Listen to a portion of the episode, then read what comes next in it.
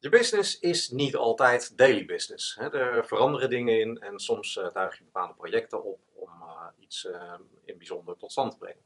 Dus soms moet je mensen mobiliseren voor speciale gelegenheden. Nou, daarom zullen we even gaan praten over teammanagement en change management.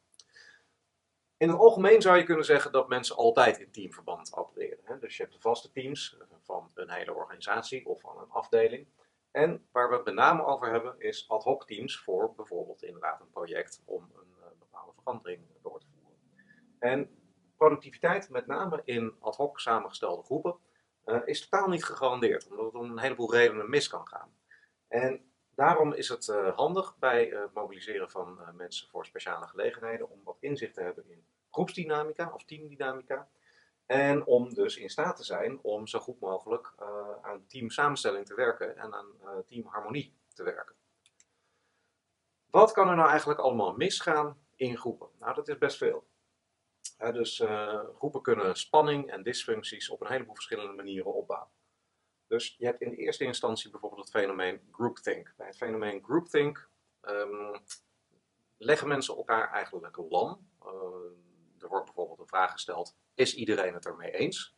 En dan hoor je niemand meer iets zeggen. dus dat is een vorm van groupthink, van elkaar lam leggen. En dat suggereert uniformiteit.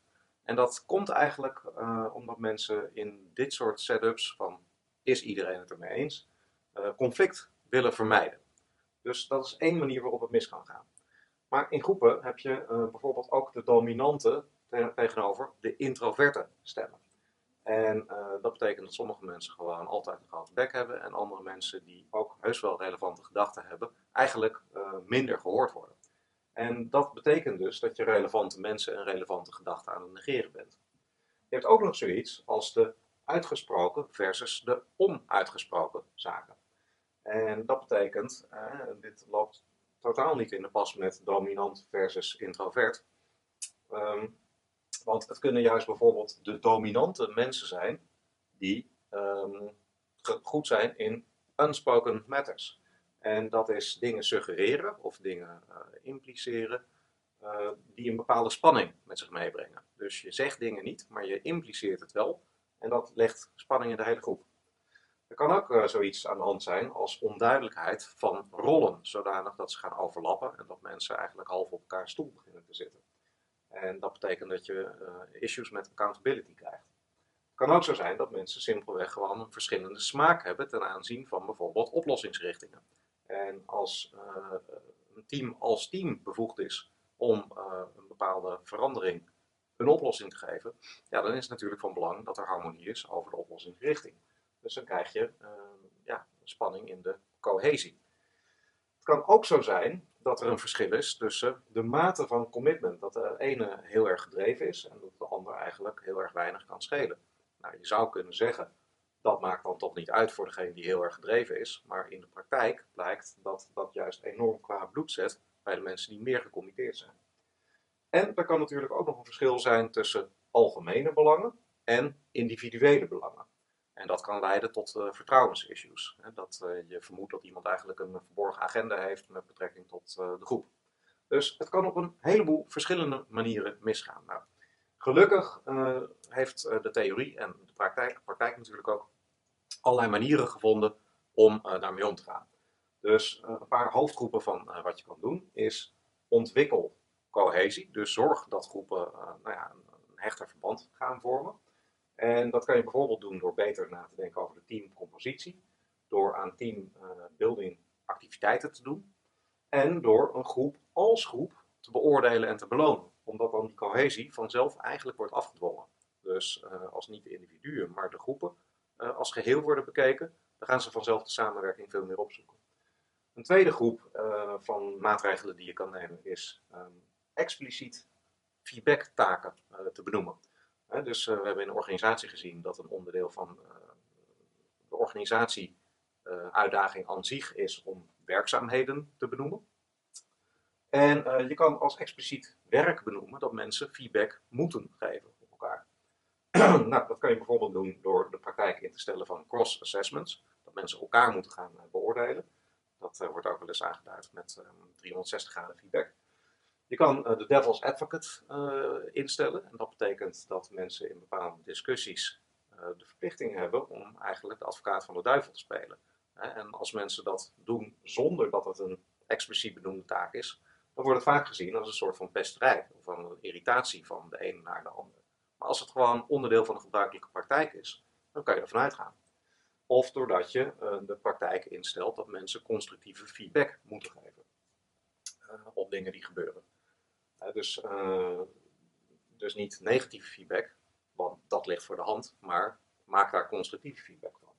Een derde groep van dingen die je kan doen is dat je het gaat faciliteren dat mensen zich uitspreken en dat er discussie gaat uh, ontstaan. Nou, daarvoor, um, je hebt een nieuwe stroming, holacracy, holacracy. En dat haakt sterk in op systeemdenken. En holacracy is heel erg bezig met die principes van modern organiseren waar we het in module 3 over hadden. En nou ja, een belangrijke, belangrijke zwakte in klassiek organiseren was natuurlijk dat er niet eh, vanzelfsprekend alignment is tussen werkeenheden. En uh, Holacracy heeft allerlei vergaderprotocollen en interactieprotocollen ontwikkeld, zodanig dat daar dus juist wel over wordt gepraat. En je kan ook aan uh, groepcoaching doen. Hè? Dat ja, mensen met elkaar en met behulp van een coach dingen uitspreken die spelen. En een vierde groep van dingen die je kan doen, is dat je via bepaalde systematieken ervoor kan zorgen dat iedereen aangehaakt is. Hè? Dus dat met name ook die, uh, ja, die introvertere mensen uh, nou ja, aangehaakt blijven. En daar zijn verschillende groepsoplossingstechnieken voor. je hebt zoiets als deep democracy. Dat is ook een manier om iedereen zijn stem te laten horen. En een nog geavanceerdere techniek is Syntegrity. En dat is echt een heel exact protocol over hoe je teams hoort op te bouwen en hoort te laten samenwerken. Dus um, om al deze negatieve mogelijke gevolgen van het zomaar samenzetten van een groep mensen te voorkomen, is er dus een hele bak aan dingen die je kan doen. Maar het, uh, het, beste is natuurlijk dat groepen eigenlijk al vanaf het begin af aan zo goed mogelijk in elkaar zitten en dus zo goed mogelijk zijn samengesteld. En dan heb je het over teamcompositie en het werken aan een natuurlijke manier van teamharmonie. Uh, dat gaat dus over de juiste mix van mensen en zorgen dat die mensen zo goed mogelijk met elkaar door één deur kunnen. En daar zijn ook weer allerlei verschillende modellen voor ontworpen. Drie hele bekende modellen zijn die van de Bono, van Belbin en MBTI. En die richten zich op drie, drie net wat andere dingen. en samen werken ze redelijk complementair. Dus ook dit is niet weer per se een kwestie van of-of, maar eerder van en-en. En daarbij richt de Bono zich op um, het bestaan van andere smaken van gedachten, andere typen van gedachten, bijvoorbeeld positief tegenover kritisch. Belbin richt zich op gedragsgeneigdheden. Uh, de gedragsgeneigdheid om bijvoorbeeld eerder heel sterk na te denken over iets of maar meteen te gaan doen. En MBTI die um, richt zich eigenlijk op verschillende persoonlijkheidsprofielen op basis van een aantal uh, kernvragen. Nou, deze drie zullen we, uh, omdat ze zo populair zijn, alle drie eventjes doornemen. De Bono richt zich dus op verschillen in denkmanieren, denkstijlen, denksmaken.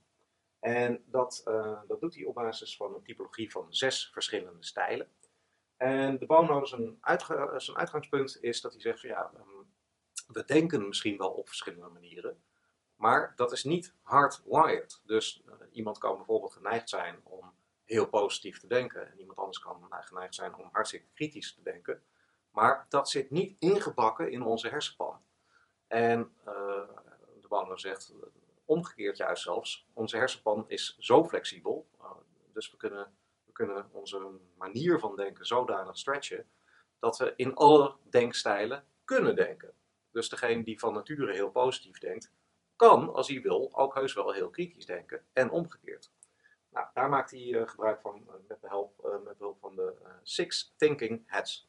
En die zes hoedjes, die staan dus voor die verschillende stijlen. Dus wit, dat gaat over hele strikte data en informatie. Dus bijna robotachtige manier van denken. Rood staat voor alles wat te maken heeft met gevoel. Geel met een hele positieve kijk op dingen. Zwart met een negatief kritische kijk op dingen. Groen met een hele creatieve kijk, alles net in een ander daglicht plaatsen. En blauw met een, ja, een soort van metaperspectief, een procesperspectief. Van hey, hoe verloopt dit eigenlijk allemaal als ik naar alles kijk? En uh, hoe je dit nou zou kunnen toepassen, is dat je bijvoorbeeld als je een team hebt samengesteld, dat je dan rond het project, dat je dan om de tafel gaat zitten en um, in overdrachtelijke zin ligt het uh, project als discussieobject in het midden op tafel. En dan ga je met z'n allen de witte hoed opzetten. Denkbeeldig, of als je het heel feestelijk wil maken, dan ga je naar een feestwinkel om verschillende kleuren hoedjes te kopen. En dan zet iedereen een wit hoedje op. Maar het idee is dat uh, op dat moment iedereen alleen maar op die witte manier mag denken. En dan moet iedereen iets over het project zeggen volgens de witte manier van denken. Nou, dan krijg je dus allerlei gedachten volgens de witte stijl over wat je echt aan data en informatie ziet, krijg je op tafel. Nou, daarbij moet iedereen wat zeggen, dus iedereen heeft zijn eigen brein moeten dwingen om wit te denken. Dan gaat die kleur af, zet je de rode hoed op met z'n allen. En dan ga je dus weer de hele ronde langs en dan moet iedereen in het rood, dus echt sterk gevoelsmatig, vanuit zijn eigen gevoel, um, iets zeggen over een project. Nou, zo ga je alle hoeden af. En uh, dan is er dus een hele hoop gezegd in al die verschillende denkstijlen. En waar je dan uh, op kan rekenen, is dat er een bepaalde transformatie heeft plaatsgevonden in de manier van uh, denken van alle individuele leden. Want niet alleen hebben ze zichzelf moeten dwingen om in alle denkstijlen het project te bekijken, maar ook hebben ze nog eens een keer een heleboel input gehad van alle anderen op al die verschillende denkstijlen. Dus je hebt een heleboel over het project gehoord waar je zelf niet aan had gedacht. En bovendien heb je jezelf moeten dwingen om op een heleboel manieren over het project te denken. Nou, dan kan uh, na die oefening iedereen eventueel wel weer terugschieten naar zijn natuurlijke denkmodaliteit, bijvoorbeeld kritisch of creatief of procesmatig. Maar de verandering die heeft plaatsgevonden, is dat je in ieder geval hebt gezien hoeveel perspectieven er allemaal mogelijk uh, zijn en welke specifieke gedachten je binnen die perspectieven eigenlijk allemaal kan hebben over het project. Nou, dat indiceert uh, een hele hoge mate van initieel begrip voor elkaar. Voor verschillende manieren van denken en voor wat je allemaal over het project kan vinden. Nou, en dan zit je al veel meer met elkaar on the same page uh, ten aanzien van het bekijken van het uh, project. En zelfs als er verschillen bestaan, dan weten de mensen binnen hun eigen denkmodaliteit dus veel beter, dat snappen ze veel beter, hoe anderen er tegenaan kijken en dat er dus ook valide gedachten zijn. Een tweede model dat je zou kunnen gebruiken is het model van Belbin. En Belbin gaat dus in op gedragsgeneigdheden. En Belbin zegt van, nou ja, je hebt uh, heel ruwweg drie uh, soorten mensen. Je hebt de denkers, je hebt de doeners en je hebt de mensenmensen. En daarbinnen heeft hij een verfijning aangebracht. Daar wil ik eventjes niet op ingaan. Dat is voor thuisstudie. Maar um, zegt van ja, je moet natuurlijk de juiste mix van mensen hebben. En dat moet je doen tegen de, tegen de achtergrond van het project. Want ja, wat is nou de juiste mix? Moet het één op één op één? Of moet het anders liggen? Nou, dat hangt dus af van de aard van een project. Dus als jouw project is um, strategieontwikkeling, dan wil je misschien wat meer denkers in je team hebben. Als je eenmaal in de implementatiefase zit van, dat, uh, van die strategiecyclus, dan wil je misschien wat meer doeners hebben. En als je uh, te maken hebt uh, met gebeurtenissen waar veel stakeholders bij komen kijken, dan wil je misschien wat meer mensen-mensen hebben. Hè, dus tegen de achtergrond van waar het over gaat, moet je die mix zien te optimaliseren. Dus dat is een aanvullende leidraad bij teamsamenstelling. Dan zou je kunnen zeggen van ja, maar ehm, ik kan mezelf hier niet in kwijt. Want ja, uh, ik, ben een, ik ben en een denker en een doener en een mensenmens. Ja, zegt Belbin, dat klopt, dat zijn we allemaal. Maar het gaat ook om een bepaalde maturity van het management, of in ieder geval van de samensteller van het team, dat hij kan inschatten hoe iemand zich zal gedragen binnen de context van um, de klus die voorhanden is. Dus of iemand binnen die context zich meer zal opstellen als een denker, of een mensenmens, of een doener. En dat is vaak uh, nog wel uh, te doen. Nou, een derde manier, een wat uh, geavanceerdere manier om tegen teamsamenstelling aan te kijken, is op basis van MBTI. Nou, dus het gaat over teamsamenstelling en teamharmonie. En MBTI staat voor de Myers-Briggs Type Indicator. En Myers en Briggs, dat, dat zijn gewoon namen van de mensen die met dat model zijn gekomen. Die bouwen daarbij voort op de theorie van Carl Jung. En um, dat draait eigenlijk om vier kernvragen. En de vier kernvragen die zijn waar haal jij je energie vandaan? Komt dat vanuit jezelf, dus ben je meer introvert? Of komt dat uit interactie met de wereld en ben je dan dus meer extravert? De tweede vraag is, waar haal jij je informatie vandaan? Doe je dat op basis van sterke uh, verwerking van feitelijke data, sensing? Of doe je dat door meer te redeneren met begrippen en met abstracties? Dan doe je het, zoals dat uh, in de terminologie is uh, gegoten, meer intuïtief. Ben zelf niet heel gelukkig met de terminologie, maar het gaat er eventjes om dat we deze terminologie moeten gebruiken, omdat het leidt tot verschillende afkortingen straks. Eh, de derde vraag is, ehm, hoe besluit jij? Doe je dat op basis van strikte criteria over besluitvorming? Dus doe je dat heel rationeel via vooraf vastgelegde normen bijvoorbeeld? Of doe je dat meer op basis van gevoel, kijkend naar de context en de mensen van wat er op dit moment aan de hand is? En de laatste vraag is, uh, wat is jouw uh, levensstijl? Is die heel erg oordelend en normatief? Of is die heel erg, nou ja, kijken wat er aan de hand is en go with the flow? Nou, en aan de hand van die naamgeving heb je hier een E, I, S, N, T, F, J, P. En het zijn binaire vragen. Dus je bent of dit of dat. Dus Myers-Briggs erkennen ten volle dat het steeds een continuum is. Dat je ergens op de lijn zit. Maar um, het wordt binair vertaald. Dus je bent dit of dat, dominant. Dit of dat. Nou, en uh, dat leidt dus tot, uh, het zijn um, vier vragen met twee antwoordmogelijkheden. Dus 2 tot de macht 4 is 16 um, persoonlijkheidsprofielen. En dan ben je bijvoorbeeld een ENFJ. Nou, en als jij een uh, ENFJ bent, dan ben je de Smooth Talking Persuader. Nou, dat uh, klinkt hier nog niet zo heel overtuigend en hier ook niet zo heel uh, positief. Maar er gaat een gigantische wereld van onderzoek en uh, beschrijvingen schuil achter de MBTI. En het is een ontzettend populair model, omdat mensen de beschrijvingen erachter juist zo ontzettend treffend vinden voor hun eigen persoonlijkheid. Dus deze test doe je normaal gesproken in 90 vragen. En die leiden dan uiteindelijk tot een beschrijving van een persoonlijkheidsprofiel van soms wel pagina's lang. En de populariteit zit hem dus in de gepercipieerde accuratesse van de beschrijvingen. Dus mensen kunnen zichzelf heel sterk herkennen. Nou, en dat, dat maakt dat MBTI uh, van grote waarde kan zijn in zowel het aanbrengen van teamharmonie, als zelfs in de eerste instantie het uh, goed samenstellen van een team. Dus de eerste, het aanbrengen van harmonie, dat is een wat makkelijkere toepassing. Daarbij laat je dus teams waarin je bepaalde frictie hebt gezien, laat je een MBTI-test doen. En daar komen dan dus verschillende persoonlijkheidsprofielen uit. En door dat al dan niet begeleid uit te leggen, die verschillen, en mensen de verschillende resultaten aan elkaar te laten zien, kunnen ze dus heel helder zien waar alle verschillen hem precies in zitten.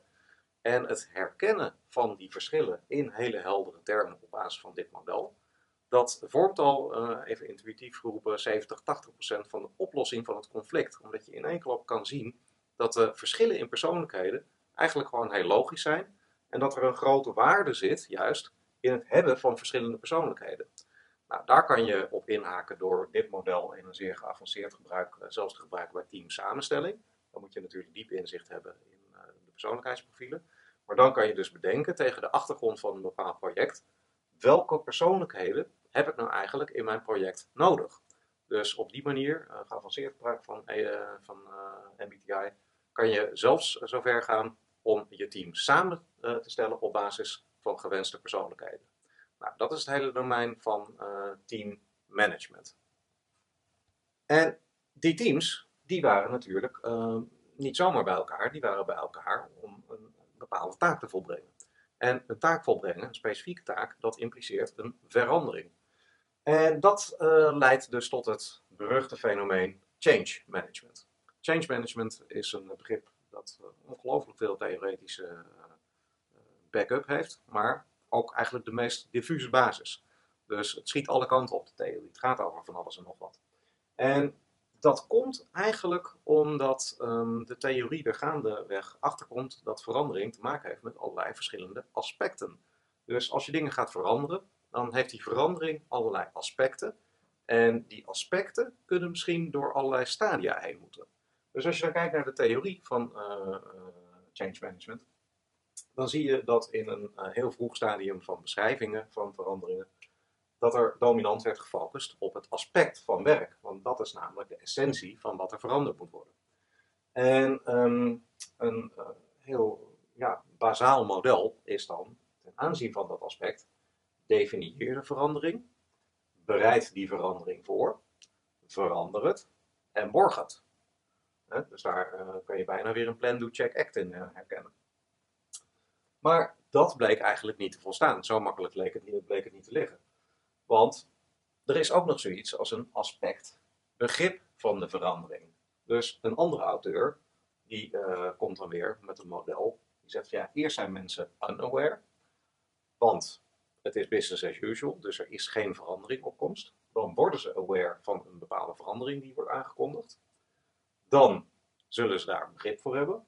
Dan gaan ze het ondersteunen. En dan zullen ze gaan handelen. Nou, zo makkelijk bleek het nou ook weer niet te liggen.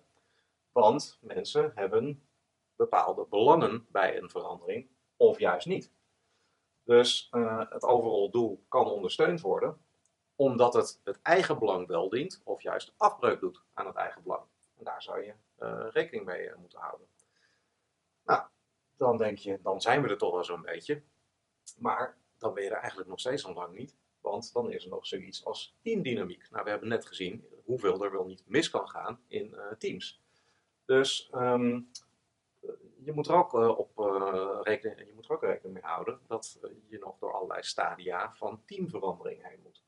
En een model van Bruce Stackman zegt van ja, zodra ze, je, je, moet ze eerst bij elkaar zien te krijgen. Dan kan je er rekening mee houden dat er ruzie gaat ontstaan. Dan zal er een fase ontstaan waarin ze nader tot elkaar komen en ze werkafspraken gaan maken. En dan pas kunnen ze gaan presteren. En je zou zelfs kunnen zeggen dat dit uh, altijd gebeurt bij teams, uh, maar dat de duur heel sterk kan variëren. Dus soms is dit in een uur allemaal gebeurd en soms duurt dit een jaar, deze cyclus. Dan denk je van nou, nu zijn we er toch aan de hand wel. En dan ben je er nog steeds niet, want er zit uh, nog een aspect emotie aan de verandering.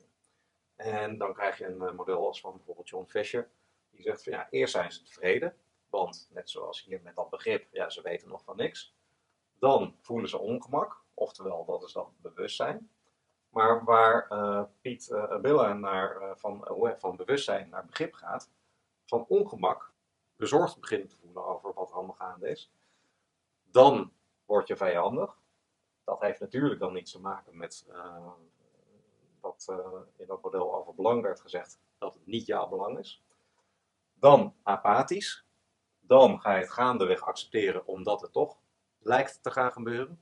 En langzaamaan word je weer tevreden in de nieuwe situatie. Nou, de rol van een uh, change manager is dus eigenlijk om al deze verschillende uh, aspecten die hun weerslag hebben gekregen in allerlei verschillende modellen van allerlei verschillende acteurs, die je op de een of andere manier aan elkaar moet, rel moet relateren, ehm, dat je als change manager herkent wat er aan de hand is, dus in welk aspect je zit en door welk stadium je iets te lozen hebt. Dus je moet eigenlijk een soort van mentale radar voor jezelf uh, ontwikkelen, waarin al die aspecten uh, een plekje hebben. En je alles en iedereen in de gaten moet houden of iedereen nog uh, aangehaakt is. Dus ten aanzien van dat werk moet je ervoor zorgen dat je die inderdaad definieert, voorbereidt en faciliteert met een bepaalde mate van zorg ten aanzien van het uh, begrip moet je ervoor zorgen dat mensen snappen waar het naartoe moet, snappen wat het plan zelf is en dat je heel duidelijk maakt wat de rollen en verwachtingen zijn. Ten aanzien van de belangen moet je er eigenlijk voor zorgen dat het projectbelang ook het belang wordt van de mensen die geacht worden eraan bij te dragen. Nou, dat kan je op hele simpele kunstmatige manieren doen, door bijvoorbeeld een beloning voor succesvolle medewerking in te stellen. Je moet um, het aspect van teamdynamiek uh, in de gaten houden en faciliteren. Dus bereid je erop voor en faciliteer dat dat uh, vorming, storming, norming en performing gaat gebeuren. Hè? Dus jij kan misschien al eerder kunnen, jij kan misschien al eerder zien aankomen dan de groepsleden zelf, dat er um, ja, een stormingfase zal ontstaan en dat er een normingfase nodig is. En ten aanzien van die emoties moet je bekijken, dan moet je een bepaalde moedantenne uh, voor jezelf oprichten. Om te kijken in hoeverre uh, een slecht humeur te maken heeft met welk aspect. Of dat iets te maken heeft met bijvoorbeeld het werk zelf, namelijk dat het niet goed gedefinieerd is, of dat het slecht is voorbereid en dat iemand daarom uh, ja, er negatief tegenover staat. Of dat iemand een slecht begrip heeft van waar het überhaupt naartoe moet. Of dat het iemands belang niet is. Of dat het komt door interactie met andere teamleden. dus um, je hebt eigenlijk uh, een heleboel ballen in de lucht te houden in de vorm van die verschillende aspecten. Uh, maar aan de hand van al die verschillende modellen kun je dus zien waar je eigenlijk uh, het aspect doorheen te begeleiden hebt om het geheel van de verandering op een goed spoor te houden. Nou, dat is het hele domein van change management en daarmee samen met teammanagement uh, het hele gebied van mensen mobiliseren voor speciale gelegenheden.